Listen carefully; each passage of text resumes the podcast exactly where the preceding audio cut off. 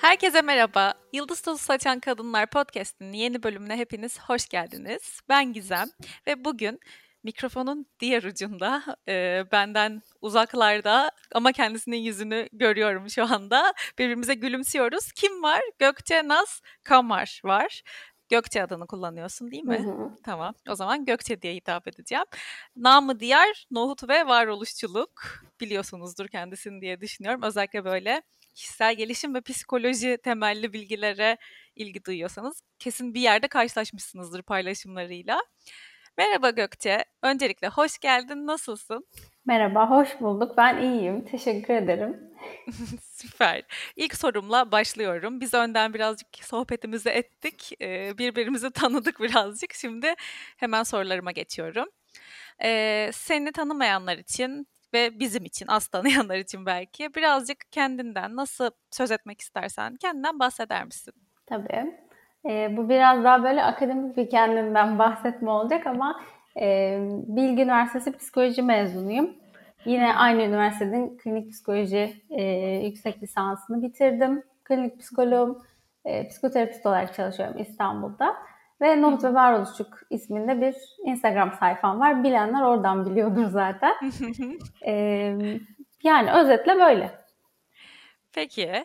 Ee, zaten benim çok her bölüm söylediğim, çok sevdiğim, çok böyle sohbetini de çok sevdiğim kişiler ve meslek psikologluk. Ee, birazcık bu buraya nasıl geldiğinden söz etmek ister misin? Yani e, meslek seçimi, okul, işte eğitim, gençlik o evrelerden söz ediyorum. Mesela her zaman bölümümü okumak istiyordun, nasıl karar verdin falan, nasıl oldu senin için?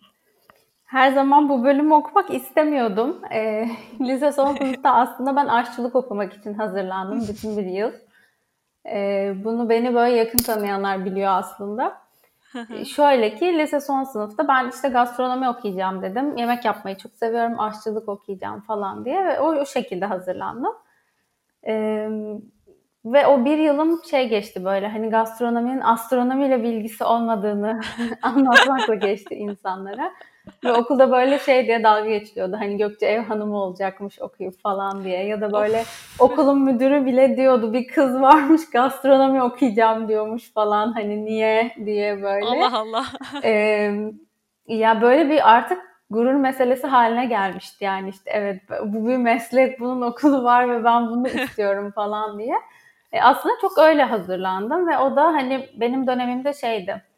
E, 5 sınav falan vardı totalde galiba. Bir işte ilk, ilk ayağı YGS sonra bölümlere göre sınavlara gidiyorduk falan.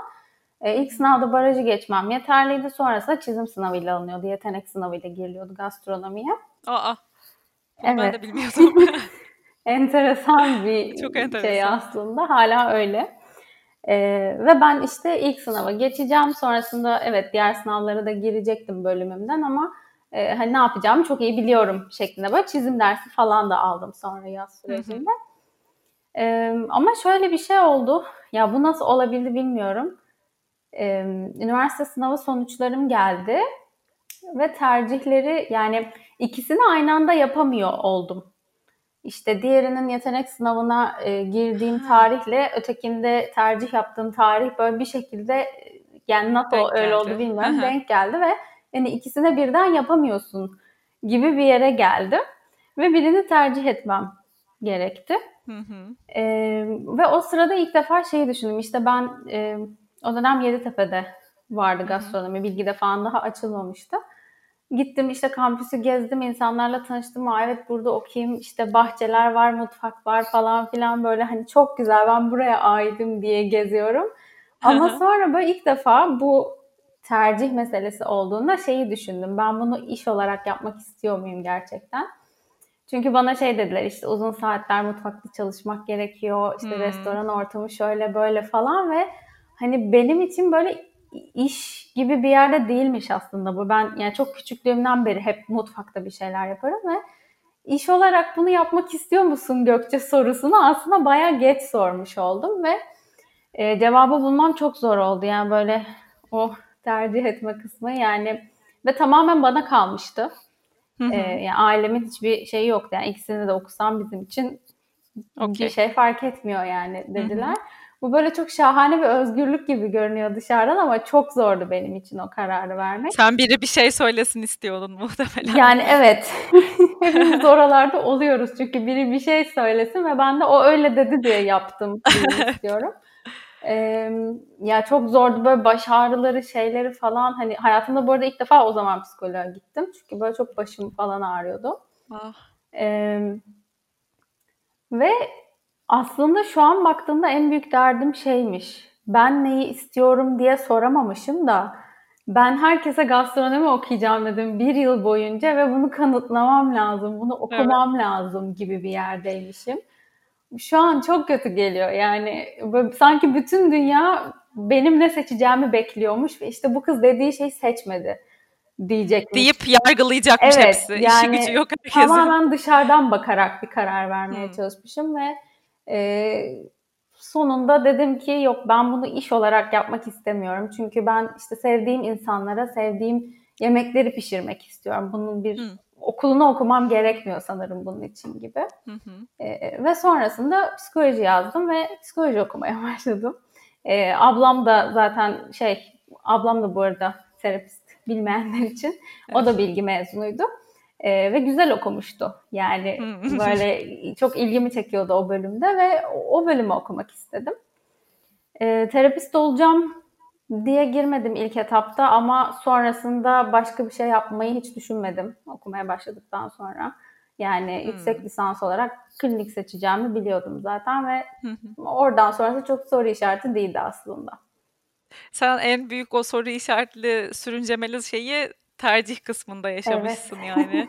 Ama işte bir şekilde hayat sanki ikisini aynı anda yapamamanı denk getirmiş de hani yol ayrılıyor ve birini seçmek zorundasın evet. gibi bir yere gelmişsin. Yani Yine çok iyi ya. başta oldu. Peki mesela senin o sürüncemede kalman böyle ne kadar sürdü?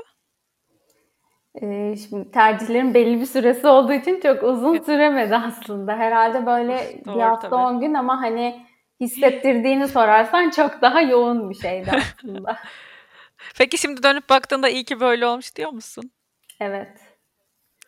Yani kesinlikle hani yemek yapmak falan benim için hala böyle bir keyif. O farklı alanda bir terapi alanı benim Tabii. için ve ben nasıl istiyorsam öyle kullandığım bir alan. Hani iş olarak yapmıyor olmak güzel benim için.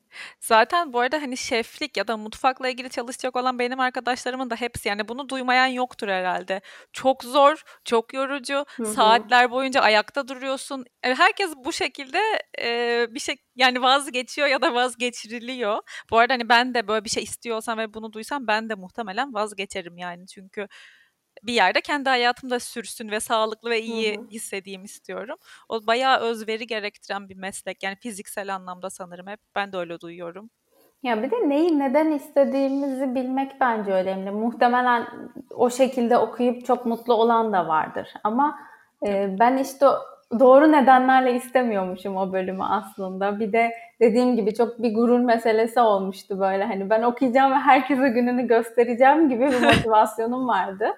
Hani bu bir meslek seçmek için doğru motivasyon değil zaten. Tabii. İyi ki aslında hani ailen en azından sana o alanı tanımış. Bir de aile işin içine girdiğinde bu Hı-hı. meslek e, bölüm seçimlerinde biraz çok daha sancılı olurdu herhalde. Evet. Yani karşı tarafına olsaydı, karşı tarafta olsaydı ailen en azından bu sefer iyice bir gurur, sinir hani bir baş kaldırı falan gibi bir şey de olabilirdi. Zor olurdu o zaman. Tabii ki yani en başta belki hiç aşçılık seçmeme bile okey olmayabilirdi yani öyle karşımda evet. dursaydı ailem ama hani o çok büyük bir özgürlük tarafıyla tabii ki özgürlüğün getirdiği bazı sorumluluklar da vardı benim için. Olsun demek ki güzel bir şekilde altından kalkmışsın ki bugün buradasın ve dönüp baktığında iyi ki diyorsun. Evet. Çok önemli bir şey. Peki sonra e, okul bitti, e, yüksek lisans yaptım. Yani mesela ne zaman böyle bir e, ne deniyor ona? Terapi yapmaya başladın? E, direkt kendinize bir yer mi kurdunuz? Ne muayenehane? e, ne diyorsunuz siz ona? Ofis. Ofis. Nasıl oldu o kısmı? Ee, şöyle ben işte mezun oldum. Mezun olduğum sene zaten bilim sınavlarına girdim ve dediğim gibi yani ben çok emindim Yüksek. o sırada sonrasında o alanda çalışmak istediğimden. E, ve o yılda gir, girebildim. Hı hı. E, ne zaman başladı? Yüksek lisansın ikinci yılında stajyer olarak, psikolog olarak zaten çalışmaya başlıyorduk biz ve hı hı. bayağı dan diye başlıyorsun. yani bütün o süpervizörlerle vesaire ama e, hani kontrollü bir şekilde ama bayağı terapist olarak çalışmaya başlıyorsun iki yıl, ikinci yıldan itibaren. E, o iki yılın tamamı öyle geçti. Sonraki sene biz ofisi kuralı 3 sene oldu işte geçtiğimiz Ağustos'ta. Ee, hı hı. Bu arada şey de enteresan yani ben hiç kendi ofisimi kuracağımı düşünmedim bu işi yapmaya karar verdiğimde. Ee, benim ablam da akademisyen olmak istiyordu, terapist olmakla hiç ilgilenmiyordu bölüme girdiği zaman. Ah. Ee, ve ama o da bir şekilde yani iki yüksek lisans yaptı ve sonra dedi ki yo ben bu alanda devam etmek istiyorum. Ee, ve bir şekilde böyle hayat bizi oraya getirdi. Yani bir gün böyle ofis bakıyorduk. Sonra ofisimiz oldu ve aa evet ofisimiz oldu. Biz bu işi böyle yapacağız gibi bir yere gelmiş olduk. Ee, çok karar vererek olmadı aslında. Sadece böyle düşünmeye başladık ve sonra hayat bizi oraya getirdi. Akış. Evet aynen akış. Takip ettik biz yani. Ama şu an memnunsun böyle evet. yapıyor olduğundan değil mi? Ne güzel. Harika. Ee, şey soracaktım. Bu benim zaten en sevdiğim soru. Nerede bir psikolog görsem bunu sorarım. Hı. Tabii ki şey e, bir şey ihlal etmiyor olarak yani hani böyle anılarında ilk başladığın yıllarda özellikle yaşadığın değişik bir şey yani komik ya da üzücü ya da seni şaşırtan bir şeyler var mı meslekle ilgili? Hmm. Ya şey çok komik onu hatırladığımda hala gülüyorum. Bu e, gerçek bir seanstan bahsetmiyorum şu an. E, staj yılında da ilk yılımızda da şeyler yapardık. Role play'ler yapılıyor işte hani bir öğrenci terapist oluyor, diğeri danışan oluyor falan. E, ve bütün sınıf bunu izler. Bizde de aynalı oda vardı işte aynanın arkasında bütün sınıf ve hocamız oturuyor. Biz de içeride seans odasında ben terapistim, arkadaşım da bir e, danışan rolünü oynuyor. E, bunu ilk yaptığım zaman bir seans boyunca neden öyle yaptım bilmiyorum. Ee, bacak bacak üstüne attım seans başında ve seans sonuna kadar hiç bacağımı değiştirmedim. ve şey diye düşünüyorum şimdi. Bir yandan böyle çok rahat olduğumu zannederek oradayım. Yani konuşurken çok rahatım, dinliyorum falan filan ama fiziksel olarak kendimi kasmışım ve sanki bende hiçbir değişiklik olmaması lazım gibi düşünmüşüm. hani aman ben şimdi değiştirmeyeyim bacağımı falan diye ve 45 dakika boyunca aynı pozisyonda oturdum seans bittiğinde ayağa kalktım ve böyle yürüyemiyordum yani böyle bir toparlayarak uyuşmuş. evet uyuşmuş çünkü bacağım ve hani o zamanki o halime dönüp baktığımda böyle gülüyorum yani neleri ne kadar düşünüp yapmışım diye hani esneklik esneklik önemli bir şey. Peki. Şu artık bu soruyu bir sorayım da ben de rahatlayayım, herkes de rahatlasın. Nohut ve varoluşçuluğa geleceğim şimdi ama önce bu ismi neden seçtin, nasıl seçtin? Bir onu öğrenebilir miyiz lütfen? Tabii. Bunu iki sene önce Varoluşçu Buluşmalar Konferansı'nda anlattım. Bir herhalde orada dinleyenler biliyor bunu. ee, hatta sayfada şey yaptım bir kere. Ne olduğunu düşünüyorsunuz bu ismin dedim. Ee, Nohut adında bir kedi olduğumu, kedim olduğunu düşünenler falan oldu. İşte ya da e, çok daha böyle... Evet bu arada. Ha. o çağrışıyor birazcık. ya hayır öyle düşünmedim. Sadece hani aklımın bir köşesinde bu bir ihtimal olarak vardı. Çünkü e, kedi ve isimli çok fazla Instagram hesabı var ya yazılı Hı-hı. paylaşım yapan. Nohut ve varoluşçuluk tam fit ediyor şu an kafamda mesela. Evet Nohut diye bir kedi. Hani oradan doğmuş gibi. Ya da böyle çok daha yüksek bir anlamı olduğunu düşünenler oldu. Hani dünyada biz zaten Nohut kadar bir yer kaplıyoruz ve acaba oradan mı geliyor diye. Hmm. Ee, öyle bir şey değil. Ee, şöyle ben 2016'da galiba varoluşçu analiz eğitimine başladım. Ee, bu arada bilgide ben analitik dinamik yönelimli bir terapi eğitimi aldım. Fakat bir şekilde bir şeyler böyle tam yerine oturmuyordu bende. Çok benim yaklaşımım gibi gelmiyordu. Ee, ve sonra bir işte seçmeli ders aldım varoluşçulukla ilgili. Onun üzerine bu eğitime başladım. Ee, eğitim sırasında şöyle bir şey vardı. İşte bu arada varoluşçulukta klasik olarak sorumluluk almak, işte hayatta seçimler yapmak, bu seçimlerin sonuçlarıyla yaşamak gibi bir şeylerden bahsediyoruz hep. Ee, ve bir gün şöyle bir alıştırma yaptık. İşte hayatımızın o güne kadar olan, e, diyelim ki 30 yaşındayız işte, 5'e 5 yaş 5 yaş bölmemizi istedi hocamız. Hı. Ve bu 5 e, yıllık e, dönemlerde işte hayatımızı etkileyen olaylar, e, en önemli olayları yazmamızı istedi. Ben de işte böyle 5 parçaya böldüm hepsini. Hı. Beşer yıl şeklinde ve ilk senesinde sanıyorum e, anaokulu var. E, ve yani 0-5 yaş arası. Evet 0-5 yaş, 5-10 yaş şeklinde böldüm. 0-5 yaş aralığında anaokulu var benim için. E, ve şey anaokulunda da şöyle bir şey vardı. E, ana yemeği yemezseniz tatlı verilmiyordu. Ve ben nohut yemeğinden nefret ediyordum. E, Kemal Paşa tatlısını da çok seviyordum. Ve böyle hep bir şey hali. Hani Kemal Paşa'ya ulaşmak için mutlaka nohutu bitirmem gerekiyor. Fakat çok acı çekiyorum yani o nohutu yerken. ee, ve şöyle olurdu işte herkes yemeğini bitirir sınıflara giderdi. Ee, ben böyle yanağımda nohut yemeği hala bitirmeye çalışıyorum. Böyle tek başıma oturduğumu hatırlıyorum yemekhanede bu şey yemek dağıtan teyzeyle birlikte. Ee, ve böyle en son bitirirdim artık zar zor ve böyle şey diye sordu bugün hani çocuğum tatlı yemeyecek misin diye ve ben böyle şeyim hani ne tatlısı ya hala falan diye hani sınıfa gitmek istiyorum. Ee, ve oradan şeyi öğrenmişim. Bu arada bu yazdığımız olaylardan ne öğrendiğimizi e, yazıyorduk. Hmm. Hani böyle birkaç cümleyle. Ve orada şeyi öğrendiğimi fark ettim. Hayatta istediğim bir şeye ulaşmak için hep istemediğim bir şeye razı gelmem gerekiyor bir süre gibi. Sanki ben onu öğrenmişim orada. Ee, sonraki 5 yıllık döneme geldiğimizde ilkokul var 7 yaşında. Ee, ilkokulun ilk günü yemekhaneye götürdüler bizi ve nohut yemeği vardı. Ay şaka. Ee, ve böyle makarna var işte başka şeyler de var falan ve gittim öğretmenime şey dedim. Ben nohut yemek istemiyorum dedim. Ve bana tamam yeme o zaman dedi. Fakat inanamadım. Yani nasıl olabilir böyle bir şey dedim. Yemeden olmaz falan diye ama bir yandan da söylemek istiyorum yemek istemediğimi hala. Gittim ve tekrar söyledim. Ben makarna yemek istiyorum, nohut yemek istemiyorum dedim. Gökçe o zaman makarnanı ye dedi. Ve böyle nasıl ya seçim yapabiliyor muyuz ya hayatta böyle bir şey var mı diye düşündüm. Ya. Ve bunu böyle anneme gidip şey diye anlattım. Nohut yemedim bugün işte makarna yedim falan işte ne yiyeceğim seçebiliyormuşum ve bu ya şu an anlatırken çok acıklı bir şey bence. Yani ne yiyeceğime karar verebiliyor olma şey yani seçimin bende olduğunu fark etmek. Ee, gerçi hani erken fark edebilmişim yine. Bence de ya 7 yaş diyorsun. ee, ve hani böyle bir şokla gidip anlatmıştım ve hani ailem de böyle hala anlatıp güler bunu.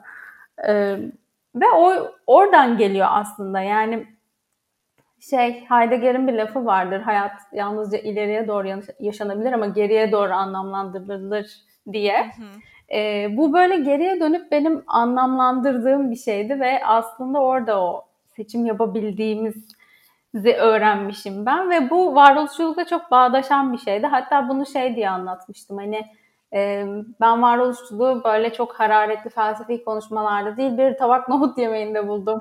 hani gerçekten bunların hayatın içinde olduğunu. çünkü mesela liseden, lisedeki felsefe dersinden hatırladığım tek şey öğretmenimizin bize felsefe yapmayın, çok da düşünmeyin hayatta demesiydi. Ve ben hep uzak durmuştum aslında böyle uzun bir süre hani ya felsefe yapmayalım falan filan diye.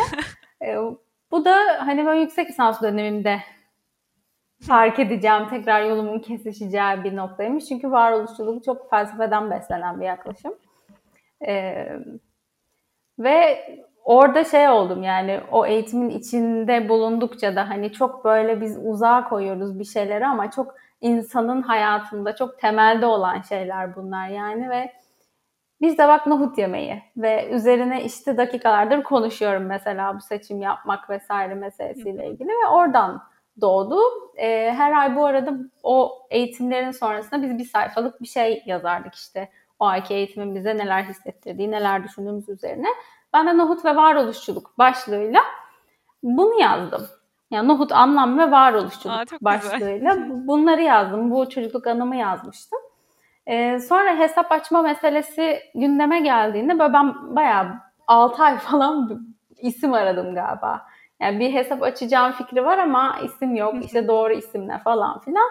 E, o sırada ablam şey dedi hani bu çok seni anlatan bir isim aslında ve anlatmak istediğin şeye de çok uyuyor ve hani esprili bir şey ve tam olarak Hı-hı. sen böylesin diye. E, ve oradan da Nohut ve Varoluşluluk ismiyle açtım bu hesabı. Hala mükemmel ismi arıyor olsaydım muhtemelen bu konuşmayı yapmıyor olurdum. e, hiçbir şey yazmamış olurdum hala. E, böyle. Aa, çok güzel bir hikaye. Hiç böyle bir şey düşünmemiştim. Bence inanılmaz güzel bir hikaye. Bunu böyle birkaç post halinde yaz, reklam çık falan herkes duysun. Çok etkileyici. Peki e, o zaman sen isim ar- aradığına göre yani şey mi planlamıştın? Bir sayfa açayım hani psikolog olarak bir sayfa açayım. Buradan da hani e, bu tarz paylaşımlarda bulunayım gibi bir şekilde mi çıktın o yola? Ne yani ne umarak yeni bir sayfa açmıştın? Ne hayal ediyordun? ya şöyle psikolog olarak açmayı hiç istemedim sayfayı. Bu yüzden sayfamın ismi Psikolog Gökcan Askamar değil. E, çünkü sadece psikolojiye dair şeyler anlatmak istemiyordum. E, ama söylemek istediğim bir sürü şey olduğunu fark ettim. Yani okudukça, yaşadıkça bir şeyleri fark ettikçe hem meslek olarak bu işi yaptıkça hem de e, ya eğitimlerde aslında bir şeyleri öğrenirken hep kendimle karşılaştım ve bir şeylere bakışım değişti. Yani bu anaokulundaki anımı bile çok yıllar sonra bambaşka bir şey olarak anlatıyorum şu anda mesela. E, ya bunları anlatmak istediğimi fark ettim insanlara veya işte felsefe yapmanın, felsefe okumanın, bir şeyleri sorgulamanın ya da düşünmenin öyle çok ötelenecek, çok elit şeyler olmadığını anlatmak istedim. Tabii. O dönem özellikle çok öyle bir motivasyonla yola çıktım. E, fakat bir yanım şey diyordu yani herkes her şeyi yazdı Gökçe ve daha ne yazılacak diyordu. çok böyle bu da çok klasik bir şey. Bir bir şey yaz, yazmak isteyen insanların mutlaka aklından geçiyor galiba bu. Evet. Ee, bir yanında çok öyle diyordu ama ya anlatmak isteğim ağır bastı. Ee, şeyleri anlatmayı hiç istemedim. İşte patoloji, psikolojideki o tanılar vesaire ki zaten varoluşçulukta öyle bir konsept yok. Ee, bir patoloji kuramı yok varoluşçulukta. Ya çok hayata dairdi ve ben şeye şaşkınlıkla yola çıktım. Hani bu kadar hayata dair olan bir şeyin bu kadar ötelenmesi ya da bu kadar sanki bize uzakmış gibi gösterilmesi hoşuma gitmedi ve bunu anlatmak için yola çıktım. Peki ne kadar oldu sayfayı kuralı? Kaç ee, sene? İki sene oldu. Tam tarihini de biliyorum. 21 Temmuz 2018. Peki ne, neden biliyorsun? Özel bir gün mü? O da şöyle oldu. Bu Nuhut ve Varoluşluluk olsun tamam adı dedikten sonra ben yine bir süre daha hiçbir şey yapmadım. E, ve bir arkadaşımın e, şey yani düğün dedi böyle sahilde düğün kutlaması gibi bir şey yapıyorduk. E, ve hatta o da yıldız saçan kadınlarımdan biridir. Yani Ekin Özel bilmiyorum takip ediyor musun? E, Yok. Oraya gittik ve Ekin şey yapmıştı. Böyle tüplerin içerisine işte kum koymuş ve bir herkese bir mesaj yazmıştı. E, benim çektiğimde de şey yazıyordu. Zamanı gelince anlayacaksın yazıyordu. E, bu da 14 Temmuz bir hafta öncesi. Ve ben böyle güldüm işte anlamadı falan diye böyle dalga geçtim hatta. Çünkü hala böyle yapmıyorum. Hiçbir adım atmıyorum sayfayı açmak için falan. E, ve sonraki hafta bir şekilde böyle bir gün dedim ki yani hani söylemek istediğim şeyler var. E, ve kendimi daha ne kadar durduracağım bununla ilgili. Ve tam bir hafta sonra dedim ki evet zamanı geldiğinde anladım ve bu sayfayı açıyorum bugün diye açtım. E, hatta ilk posta şeyle ilgili hani mükemmel zamanlama diye bir şey yok aslında hani. E, Hemen tam hayatından beslenen bir şekilde girmiş. Yani evet. Böyle biraz da kusurlu bir fotoğrafla aslında şey yaptım. Hani bir manzara ama arabalar var altında ve dedim ki yani o arabalar orada ve e, işte o köprünün ayakları var ve bu da böyle bir şey, böyle bir başlangıç diye. E, yani nasılsa öyle başladı. Çok güzel. Bir de e, demin dedin ya ben de o yanılgıya bazen çok düşüyorum. Hani ne bileyim bak söylenilecek her şey söylendi, birileri yazdı. Yani sadece yazıyla ilgili de değil aslında. Ortaya bir şey koymaya çalışırken hep o engele çarpıyor sanki insanın kafası hı hı. ama bunu zaten yaptılar falan. Ben sadece son zamanlarda şeyi fark ettim. O bana çok yaradı yani herkes benden birkaç tane yok dışarıda yani be, benim ne bileyim çarpı bir milyon değil ki dışarıdakiler. Herkesin hayatı, yaşayış biçimi, ilgi alanları o kadar farklı ki benim bunu zaten herkes söyledi dediğim şeyi aslında benim takip ettiğim insanlar söylüyor belki. Benim araştırdığım, okuduğum insanlar ama onu araştırmayan birinin önüne benim yazdığım şey, benim söylediğim şey çıktığında belki wow oluyor. Yani hiç onun için duymadığı bir şey ve o böylece beni alıyor sarmalına. O 10 kişiye Hı-hı. anlatıyor falan. Özellikle güzel bir şey yaymaya çalışıyorsak bu hani herkes her şeyi söyledi ne bileyim söylenecek bir şey kalmadı diye düşünmek çok engelleyici oluyor diye düşünüyorum ben sanki değil mi? Yani evet. sen de onu deneyimliyor musun? Ya bir kere bunu ben şeyde çok fark ettim. Yani özellikle galiba bir meslek alanının içinde olduğumuzda da bu yanılgıya düşüyoruz.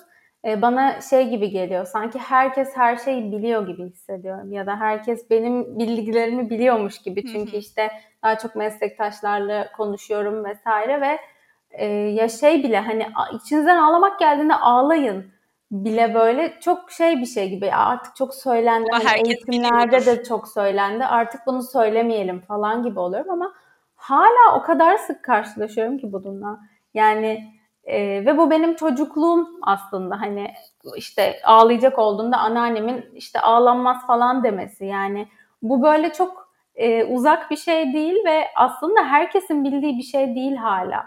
Ya en temel şeyler bile ve bununla böyle ara sıra karşılaşıyorum ve diyorum ki yok yani söylemek lazım. Hani Kesinlikle. evet herkes her şeyi söyledi gibi geliyor ama yani Gökçe'nin cümleleriyle söylenmedi. Hani belki o başka evet. bir şey gösterecek birine, belki o başka birine dokunacak gibi bir taraf Kesinlikle. var. Kesinlikle. Hani bunda en çok şey böyle şimdi diyorlar ya herkes kitap çıkartıyor. Ee, ya herkes kitap çıkartabilir bence. Herkes kitap çıkartsın. Yani herkesin bir hikayesi var çünkü herkesin bir şeyleri görüş tarzı var, anlatış tarzı var. Yani kimse aynı hikayeyi anlatamaz farklı kitaplarda. Ee, ben hepimizin hikayesine yer olduğunu düşünüyorum. Yani bence herkes kitap yazabilir, herkes bir şeyler anlatabilir. Bence ee, de. Buna da açık olmak lazım yani. Evet ya bir de ya mesela aynı cümleyi 10 farklı kitap yazıyor. O 10 farklı kitabı okuyorum. Ben bunu çok yaşadım aynı konuda. Onuncusunda Aa evet diyorum. Ondan önceki 9 seferi benim için aslında okumuşum. Belki kafam dalgın okudum ya da o an benim onu anlamam için doğru zaman değilmiş. Onuncu da geliyor. Yani o yüzden bence bunu denemekten vazgeçmemek lazım. Söyleyecek bir şeylerin olduğuna inanıyorsan en azından ya da işte yazacak, çizecek neyse yaptığın şey. Hani bu zaten yapıldı diye insan kendine engel olması üzücü bir şey. Evet. Yani o bazen de kendimizi engelliyoruz bir şekilde aslında hani çok farkında olmayarak belki ama yani doğru ismi arayarak 6 ay uğraşmak biraz da benim kendimi durdurma şeklimdi bir taraftan yani. Neyse ki sonunda hani yapmışsın ve evet. tamamlamışsın. İyi ki yapmışım. Yani. Şu Tabii. an dönüp baktığımda söyleyebiliyorum yani. Peki e, Oradan sonra nasıl oldu sayfa? Mesela sonuçta ilk başta kendi kendine muhtemelen ve Hı hı. arkadaş çevrenle paylaşımlar yapıyordun. Hem nasıl geliştiği merak ediyorum hem de neye göre e, fotoğraflarını seçiyorsun? Anında mı yazıyorsun? Postları nasıl oluşturuyorsun? Böyle iki soruyu bir arada sordum aslında. Ee, nasıl ilerledi? Başta dediğin gibi çok daha böyle yalnız küçük bir gruptu o. ee, fotoğrafları hep kendim çekiyorum bu arada. Yani böyle çok aralarda belki üstüne yazı yazdığım şeylerde, postlarda falan e, var olan fotoğraflar kullanıyorum ama şeyi demiştim yani fotoğraflarda benim yazdığım şeyler de benim şeklinde yola çıkmıştım. e, hemen mi yazıyorum? Ya bazen bir yazıyı yazıyorum ve aylar sonra bir şeyle eşleşiyor kafamda, bir fotoğrafla eşleşiyor ve o, onu o gün o şekilde paylaşıyorum. E, şey yapmıyorum haftada şu kadar paylaşım yapayım, şunu söyleyeyim vesaire gibi bir derdim yok. Ee, çok kendi içinde oldu bu arada. Yani beni bir süre sonra çok insanlar paylaşmaya başladı. Ee, ya doğru insanlara ulaştı galiba. Çünkü ben niyetinin çok önemli olduğunu düşünüyorum böyle şeyler yaparken. İki yıl önce buna başlarken bir defterime şey yazmıştım. Hani e, yazdığım şeyleri duymaya ihtiyacı olan insanlar duysun ve o insanlara ulaşsın niyetim. Hı. Ve hatta şey demişim, e, hani benim anlatmak istediklerimi yazmışsınız sanki desinler falan diye böyle ve tam olarak bu şekilde bir sürü mesaj aldım sonrasında. Ay. Ee, yani o yüzden ben ona niyet ettim ve öyle bir alan yaratmak istedim. Öyle bir alan açmak istedim kendime bir şeyler söylemek için. Ve öyle bir alan oldu. Yani hep duyması gerekenler, okuması gerekenler okudu diye düşünüyorum ben. Ee, ve o insanlar paylaştı. Ben o insanların paylaşmasıyla işte bugün kaç kişi ise o kadar insana ulaşabiliyorum. E, çünkü yolda çok böyle benzer insanlarla karşılaştım. Benzerden kastım hani e, hayata belli noktalarda aynı yerlerden bakan. Hmm. Hani o deneyimine dönüp bakmak, belki kendine dönüp bakmak, işte e, hayata bakış açısı biraz belki benzer olan insanlarla ve e, şey çok güzeldi. Böyle insanların varlığından haberdar olmak. Mesleki anlamda da yani ben mezun olduğumda e, bir arkadaşımla şeyi böyle bayağı konuştuğumuzu hatırlıyorum. Yani benim bölümdeki hocalarımın bile çoğunun hani Google'a yazdığınızda web sitesi yoktur. Hani çok bir şey çıkmaz. Bu biraz analitik dinamik çalışmanın da getirisi. E, ama ben mezun olduğumda beni kimse tanımıyor. Yani nasıl bir terapist olduğumu bilmiyor, bir şeylere nasıl yaklaştığımı bilmiyor. Hani ben terapistliğimi anlatmıyorum orada ama sonuçta hayata bakış açıma dair bir fikir vermiş Kesinlikle. oluyorum. E, ve böyle bakan terapistlerin olduğunu görmek de güzeldi alanda. Çünkü ben çok yalnız olduğumu düşünüyordum. Ve bir arkadaşımız da böyle şeyi konuşmuştuk. Hani bizim dönemden hiç Instagram açan yok. İşte biz böyle bir şey nasıl yapabiliriz? Bu iş böyle yapılmıyor. Hocalarımız böyle yapmamış. İşte e, bu kadar kendimizi göstermeli miyiz? Fikir ah, söylemeli ah, miyiz kendine. falan. Yani hani oralar şu an dönüp baktığımda çok komik geliyor ama içindeyken çok gerçek. E, o zamanın endişeleri onlardı ama ya bir şekilde evet biz onları düşünerek o adımları attık ve bugün güzel bir yerdeyiz yani.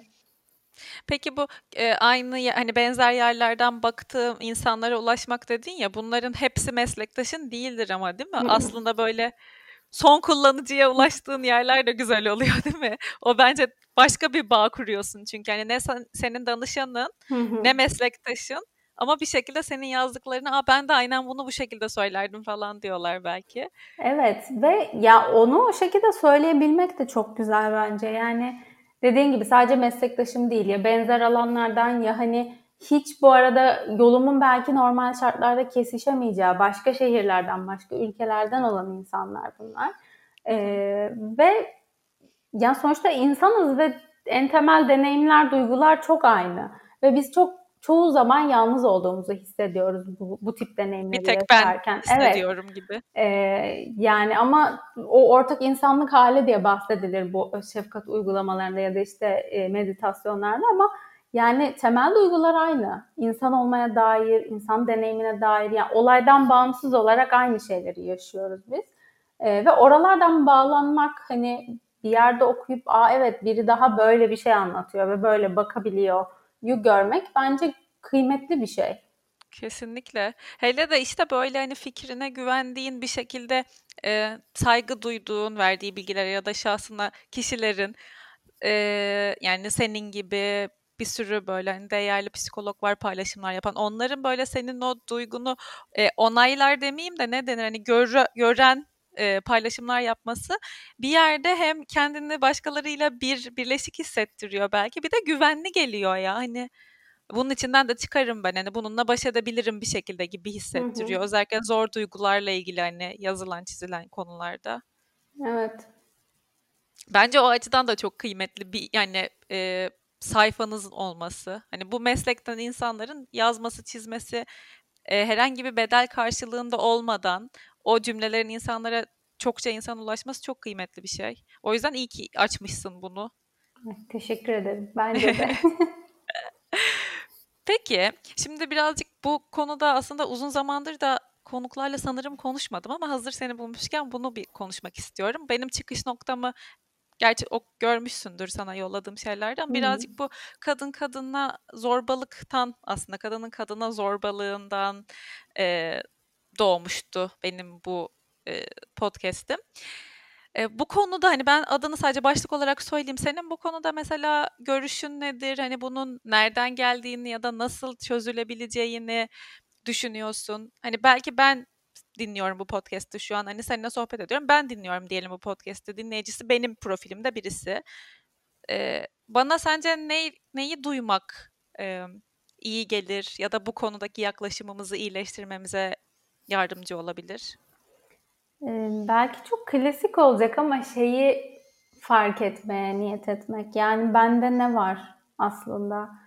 Ee, kişinin kendine sorması gereken şey bu diye düşünüyorum. Yani bir ötekine bir şey söylerken bu hani kadının kadına zorbalığı dedin ya. E, bir tarafıyla dışarıda değil mesele çünkü. Yani biri bir şey yazıyor ve ya kıskanlığından ya hani onda olmadığından yani çok öyle bir yerden yazıyor aslında o yorumu. Ee, ve bunun çözümü karşı taraf değil.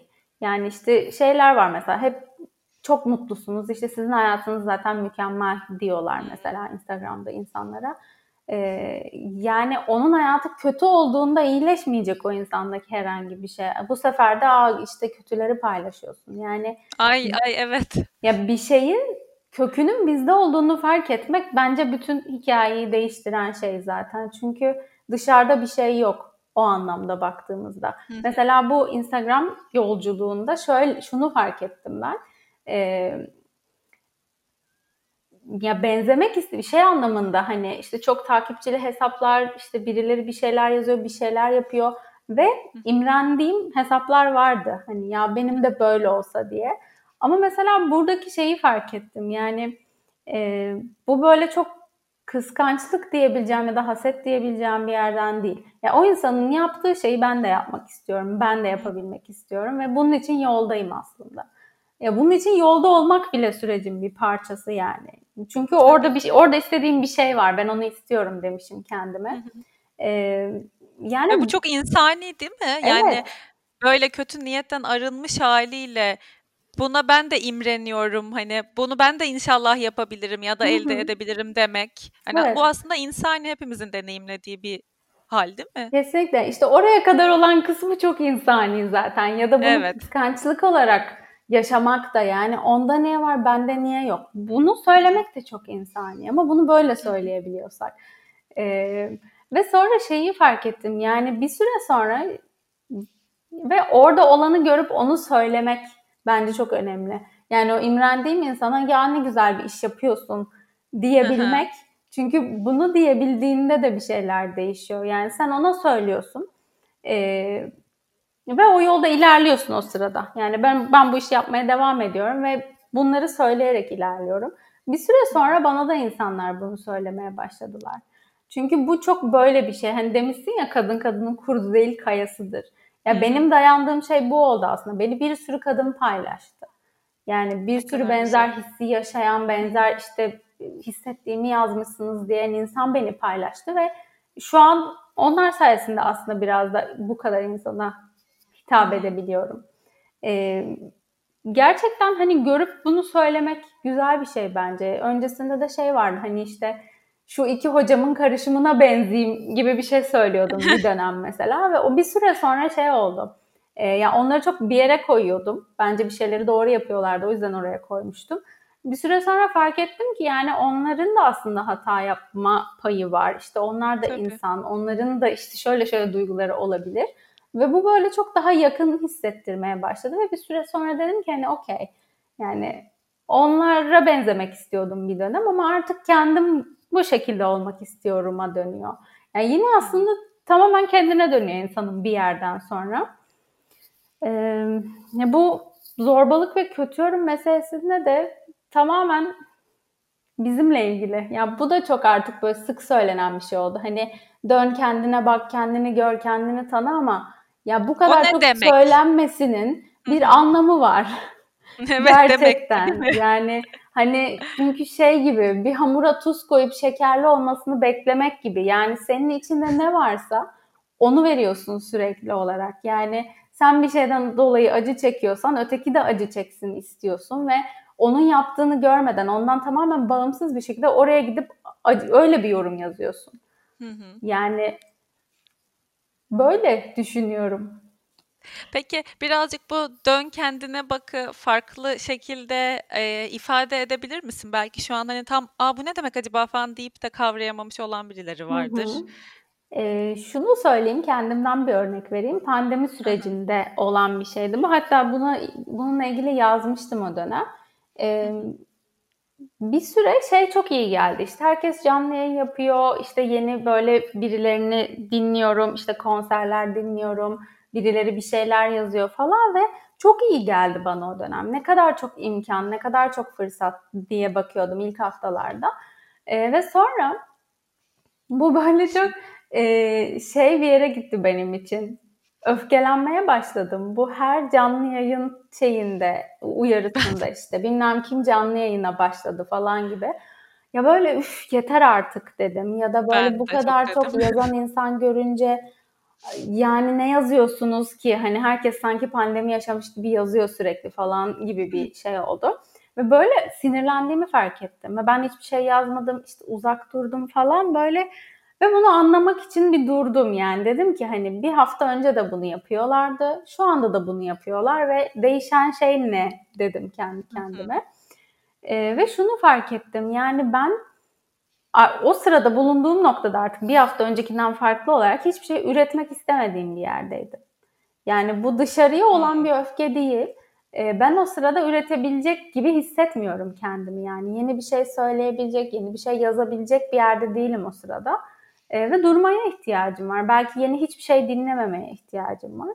Ee, ve öyle yaptım. Yani bir ay falan hiçbir şey yazmadım Hiçbir canlı yayını izlemedim, hiçbir şey yapmadım. Yani dedim ki okey şu an içinde bulunduğum şey neyse ben onu yaşayacağım, ona bakacağım dedim. Hı hı. Ee, ve bu işte kendimden böyle bir şey beklememe kısmı aslında. Yani var olan neyse Gökçe biraz bununla dur. Ne kadar bilgin varsa, ne kadar yaşanmışlık varsa şu an bununla durman lazım. Yeni bir şey öğrenecek bir yerde değilsin, yeni bir şey üretecek bir yerde değilsin. Ve o öfke tamamen ben öyle bir yerde dururken herkesin üretebiliyor olmasıyla ilgili bir öfkeydi. Ve sen bunu görmüş oldun onu evet. dönüp baktığında aslında kendinle ilgili. Yani bu çünkü A'nın B'nin sürekli canlı yayın yapmasıyla ilgili bir şey değil. Yani her, dünyada herkes bunu yaptı. Çünkü ben evet. dünyadaki herkese öfkeli olamam o sırada. Mümkün değil yani tanımıyorum bile o insanları ama e, bu çok benimle ilgili. O yüzden kendine dönmekten kastım bu. Yani bir duygu yükseldiğinde içimizde o işte içeriden yükseldiği için bir içeri dönüp bakmaktan bahsediyorum aslında. Yani benim için farklı olan ne oldu? Şu an niye böyle hissediyorum? Evet çok bence çok da şey anlaşılır bir örnek oldu. Yani bununla ilgilenen birisi varsa bu örnekle böyle kafasında pekiştirecektir. Çünkü sonuçta sen pandemide belki bir şeyler üretmekten ya da canlı yayın örneğinden çıktın ama bu hani hem kadın kadına dediğim şeyde de uyuyor ya da hani her herkesten herkese türlü e, sinirlendiren ya da bir uyaran olduğunda hani her e, senaryoya uyarlanabilir bir şey bu bakış Hı-hı. açısı. Hani bende ne değişti? Ben neden bunu hissediyor olabilirim falan. Orada da tabii kendi kendine dürüst olmak önemli değil mi? Hani sen yine de belki o sırada bir şeyler üretmediğini fark etmeyi reddedebilirdin. Hani kuvvetle böyle hı hı. yüksek bir belki egodan bir yerden böyle neden bu insanlar canlı yayın yapıyor sürekli falan deyip o sinir baloncuğunun içinde de kalabilirdin. O da işte bir seçim değil mi? Tabii yani bir süre oradaydım zaten. E, kendine dürüst olabilmek ya oldukça gelişen bir şey bu kas gibi çalıştırdıkça gelişiyor. E, işte orada kalma süremi kısaltıyor bu.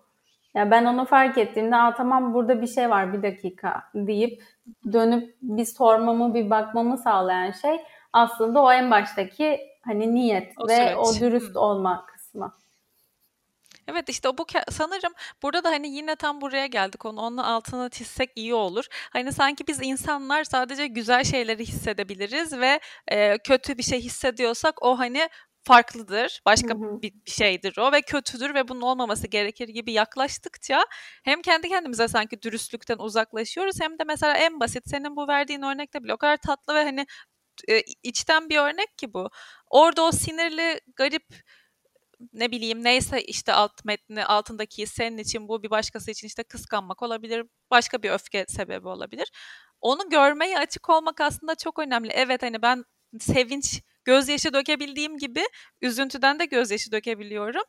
Evet dönüp baktığımda bu benim gerçekten şu an ne kadar tembel olduğumu atıyorum işte. Ne kadar üşengeç olduğumu bana gösteriyor. Hani ne kadar isteksiz ne bileyim motivasyonsuz olduğumu bana gösteriyor ve bu okey hani değil mi? Buna da yer var insan olma deneyiminin içinde yani bu hislere de yer var. Tabii ki yani her hisse hep aslında biz başladığımızda bu hayata izin var. Bizim gelişimiz böyle ama biz işte sonradan bir şekilde hani o olmasın bu olmasın gibi bir şey giriyoruz. E, kendimiz yapıyoruz hem toplumsal olarak hem bilmiyorum ailede vesaire ama e, duyguların hiçbir boşa değil yani hani boşa olsalardı orada olmazlardı. En basitinden bence böyle düşünebiliriz. Bir işlevleri var ki oradalar. Ee, lazım şeyler onlar ya. Yani hiçbiri böyle dışarıda kalacak şeyler değil. Tamam peki. Hepsini kabul ediyoruz ve e, geldiğinde bir kendimize dönüp bakıyoruz. Bu bölümden kulağımıza küpe olan bu kalsın. Şu kendine dönüp bakma kısmı kalsın bence Hı-hı. kesinlikle. O zaman ben bir de şeyi sorayım. Çünkü tam bununla ilgili bu aralar hem okuyorum hem de dinlediğim şeylerde de orada böyle bir te- şey oluyorum hani. Aa bununla ilgili düşüneyim oluyor kafam. Ee, acı yani e, kişinin acıyla olan ilişkisinden bahsediyorum. Bu demin söylediğim e, yerden aslında demeye çalışıyorum. Hani acının e, çok genel bir soru olacak ama sen nasıl ifade etmek istersen aslında acı ya da acının kapsadığı başka belki daha farklı duygular, farklı frekanslarda duygular vardır. Onlarla kişinin sağlıklı bir ilişki kurması nasıl oluyor? Nasıl olmalı sence? Bence bunun en temel kısmı sanırım acının var olduğunu kabul etmek. Ee, şöyle bir şey de bu öz şefkatli farkındalık eğitiminde bir arkadaşımız şeyi demişti. Yani acı olmasın istiyorum. Hmm. Çok net benim için. Yani keşke olmasa yokmuş gibi davranmak istiyorum. Neden hep mutlu olmuyoruz demişti ve e, ama bir yanıyla aslında var. Yani sanırım ilk aşaması o yüzden acının var olduğunu kabul etmek. E, ya yokmuş gibi davrandığımızda yok olmuyor çünkü. Hı. Ve şeyin Dostoyevski'nin sanırım bu insanın anlam arayışında bir şeyi vardı. Onun söylediği bir şeydi. E, en büyük korkum acılarıma değmemekti sanırım. Ve öyle yani mutluluğa ne kadar değiyorsan acıya da o kadar değmek aslında. O kendine dürüst olmak dedin ya. Yani oraya değmediğin zaman dürüst olmuyorsun. Ve insanın kendine yalan söylemesi aslında en kötü şey bence. Çünkü hani bu hayatı deneyimlemeye geldik ve bütün duyguları deneyimlemeye aslında hakkımız var. Yani buna izin vermek. Dediğim gibi yani biz acı yok dediğimizde de bu bir kandırmaca bir tarafıyla. E, sağlıklı ilişki kurmaktan bahsettin. O biraz değişiyor. Yani bazen bir acıyı hissetmeye çok bir alanımız olmuyor. Fırsatımız olmuyor. Yani e, bastırmak o yüzden bir yere kadar aslında sağlıklı olan hani o sırada çok önemli bir şey yapmamız gerekiyorken hani ölüp bitip ağlamak, o acının içinde durmak çok mümkün olmuyor. Ama fırsatımız olduğu zaman o acıya bir dönüp bakmak. Çünkü e, ya bu da şey gibi hani bazen insanlar şey diyorlar ağlamaya başlarsam sanki sonsuza kadar ağlayacakmışım gibi hissediyorum ve durduramayacakmışım gibi. İşte o çok dolu olduğu için öyle hissettiriyor. Yoksa ben hiç duymadım yani sonsuza kadar ağlayan bir insan, sonsuza kadar gülen bir insan. Yani bunlar zaten doğası gereği gelip geçici, geçici. şeyler. Yani geçici olduklarını anladığımız zaman bunlarla durması çok daha kolay oluyor. O zaman sen ya ağlamak geldi içimden deyip ağlayabiliyorsun. Çünkü biliyorsun ki gülmenin geçip gitmesi gibi o da geçip gidecek. Yani duyguları yaşamak dediğimiz o duyguların içinden geçmek kısmı aslında. O yüzden yani acı da diğerlerinden çok farklı değil. Doğru. Güzel bir hani çok geniş bir soruya güzel toparlayıcı bir cevap oldu. Teşekkür ediyorum. Bu bu aralar çünkü çok benim gündemimde hoşuma gidiyor yani bununla ilgili.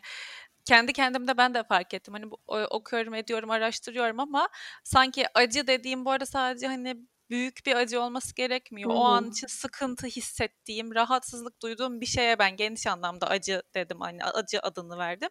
Ee, sanki onlar e, olmamalı ya da onlara sadece atıyorum 5 dakika ayırabilirim. ve sanki hep gülmeliyim ya da sanki hemen onu bir şekilde böyle ortadan kaldırmalıyım gibi davrandığımı fark ettim. O yani benim için birazcık dönüştürücü oldu diyebilirim sanırım. Hani onun farkına varmak. Bunu yo yani hani basit bir mesela dizinin bir yerinde bir şeye kahkaha atmam kadar küçük bir sevinç belirtisi nasıl normalse hı hı. tam tersi ne bileyim küpemin tekini kaybettim diye de birazcık canım sıkılabilir yani hani delirmediğim sürece kendimi yerden yere atmadığım hı hı. sürece yani ona da izin verebilirim gibi onu fark ettiğim için böyle bundan da birazcık konuşmak istedim. Belki o anlamda şey bir işaret olabilir. Bu e, hani dedin ya bir anda gülmek gibi hani bir anda evet, üzülüp geçmek. E, eğer zaten geçmiyorsa ve çok uzun sürüyorsa bu bir işaret Hı-hı. olabilir. Belki bir destek almak, bir yardım almak için. E, çünkü o acı şey gibi yani o zaman o 5 dakikalık o sırada olan bir şeye dair bir acı değil demek yani daha büyük bir şey ve e, belki başka bir yerde bir yardım alarak bir yerde anlatarak yani onun iyileşmesi için başka bir şeye başvurmak gerektiğini gösteriyor olabilir. Hmm. Çünkü çok doğru evet.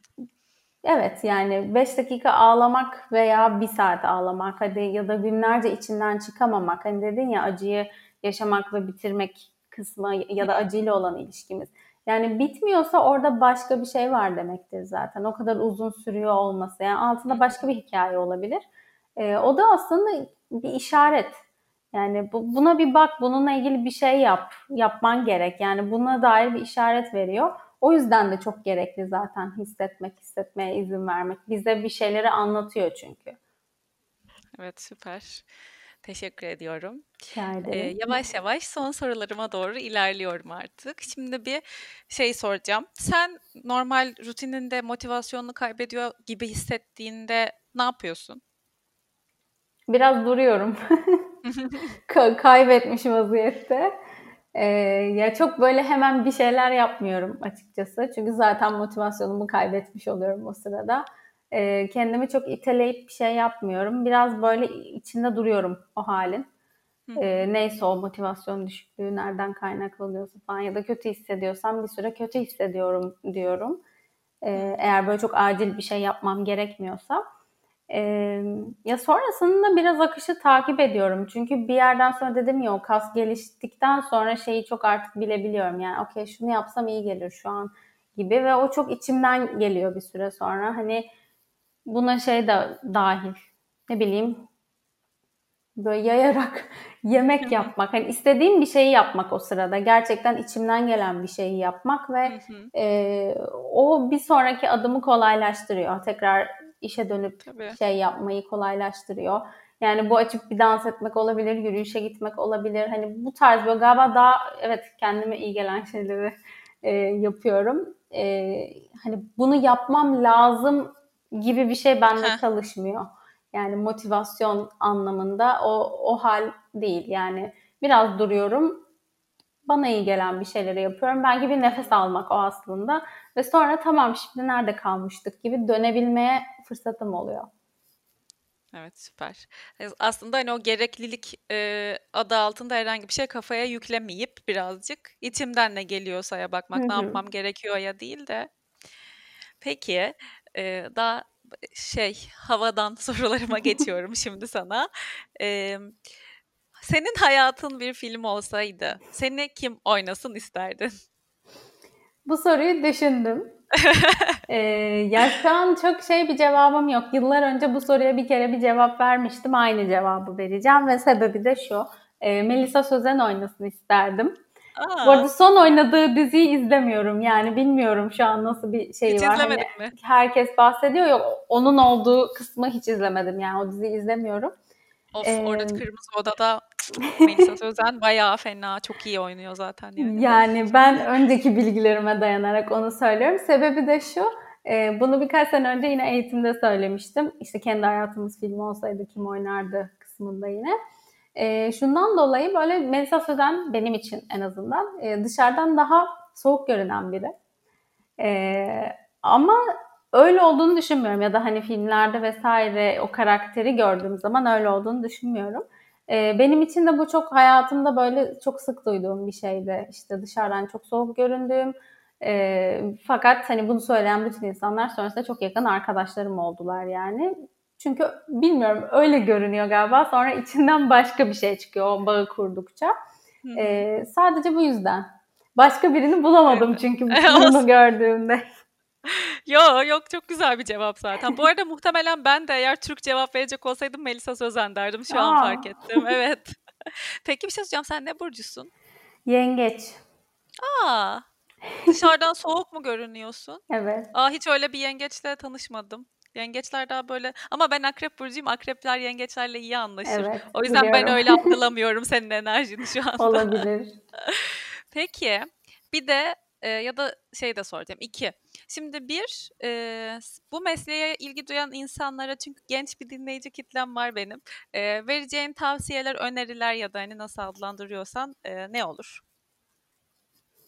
Hmm. Ya bugün de söyledim aslında bu işte kendinle olma hali aslında kendini anlama. Çünkü ya hepimiz ucundan kıyısından bu bölüme girerken şey diyoruz yani insanları anlayalım istiyoruz hmm. çok geniş bir şekilde ama o yıllar içinde böyle ben aslında kendimi anlamak istiyorum gibi bir yere dönüyor. En azından benim için öyleydi. Bunun farkında olmak yani bu ticaret gibi bir iş değil çünkü böyle çok içinde kendinin de olduğu, kendinin de yoğrulduğu bir iş. Ee, bunu ne kadar erken fark ederlerse sanırım o kadar iyi. Bir de şey yani kime yardım etmek istediğini bilmek. Çünkü bu böyle çok bilge bir yerden durup ötekine yardım etmek gibi bir iş değil. Çok öyle gösteriliyor, e, öyle yansıtılıyor ama öyle bir şey değil yani. Bu insan deneyiminin aslında birinin ötekine eşlik etmesi hali. O yüzden motivasyonun ne olduğunu, bu en başta benim aşçılık meselesine gidersek, e, motivasyonlarının ne olduğunu bence kendilerine sormaları gerek. Herhangi bir iş se- seçerken de aslında bu geçerli. Evet. Bu dediğin şey tıpkı senin yaşadığın şey gibi. Hı-hı. Hani bu işi istememdeki nedenlerim ne yani hani motivasyon kaynaklarım neler? Evet. Peki de son soruma geçiyorum. Ee, senin hayatında e, sana yıldız tozu saçan ya da etrafına yıldız tozu saçtığını düşündüğün kişiler kimler? Var mı öyle birileri? Var. Ve bunları düşündüğümde şunu fark ettim ve bu hoşuma gitti. Ee, aslında sayamayacağım kadar fazla.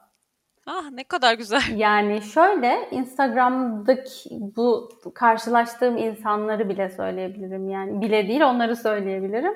Ee, çünkü böyle evet o aynalık hali belki bir şeyleri paylaşıyor olma hali ve o destek bir yerden sonra e, benim için çok oradaki kadınlar ve o yüzden böyle tek tek isim söyleyemiyorum e, söyleyemeyeceğim kadar fazlalar. Mesela sen de şu an Peki. öylesin. Yani hani beni ah, buraya çağırarak burada söylediklerinle. E, güzel yani. Keyif alıyorum bu durumdan da. Ne güzel bu kadar çok olması. Şahane bir şey yani. Peki. Gökçe çok teşekkür ediyorum sana hem buraya konuk olduğun için hem de böyle içten ve samimi bir şekilde benimle sohbet ettiğin için. İyi ki geldin, iyi ki şu an dinleyenler seni dinledi, duydular. Çok çok çok teşekkür ediyorum. Ben de teşekkür ederim. Beni konuk aldığın için çok keyifliydi benim için. Ee, öyle, evet keyifliydi. Ha, heyecanlıyım hala. Çok güzel. Süper, çok çok bence güzel geçti. Keyifli bir sohbet oldu. Ee, ben şimdi bu bölümün sonunda, bölümün açıklamalar kısmına e, zaten eğer takip etmiyorsanız koyacağım Gökçe'nin Instagram adresini. E, Oradan gidip bakabilirsiniz postlarına ya da kendisiyle belki mesaj atarsınız. Söylediği bir şeyler vardır hoşunuza giden. Ee, bana da söylemek, sormak istediğiniz her şey için info.gizemvatandos.com'a mail atabilirsiniz ya da Instagram'dan @gizemdemirel olarak bulabilirsiniz. Dinlediğiniz için çok teşekkür ederim. Bir sonraki bölümde görüşmek üzere. Hoşçakalın.